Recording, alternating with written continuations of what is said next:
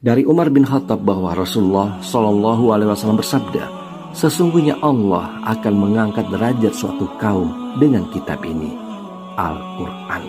Dengannya pula Allah akan merendahkan kaum yang lain. Hadis ini diriwayatkan oleh Muslim. Sebagian orang malas membaca Al-Quran, padahal di dalamnya terdapat petunjuk untuk hidup di dunia. Sebagian orang merasa tidak punya waktu untuk membaca Al-Quran, padahal di dalamnya terdapat pahala yang besar. Sebagian orang merasa tidak sanggup belajar Al-Quran karena sulit katanya, padahal membacanya sangat mudah dan sangat mendatangkan kebaikan.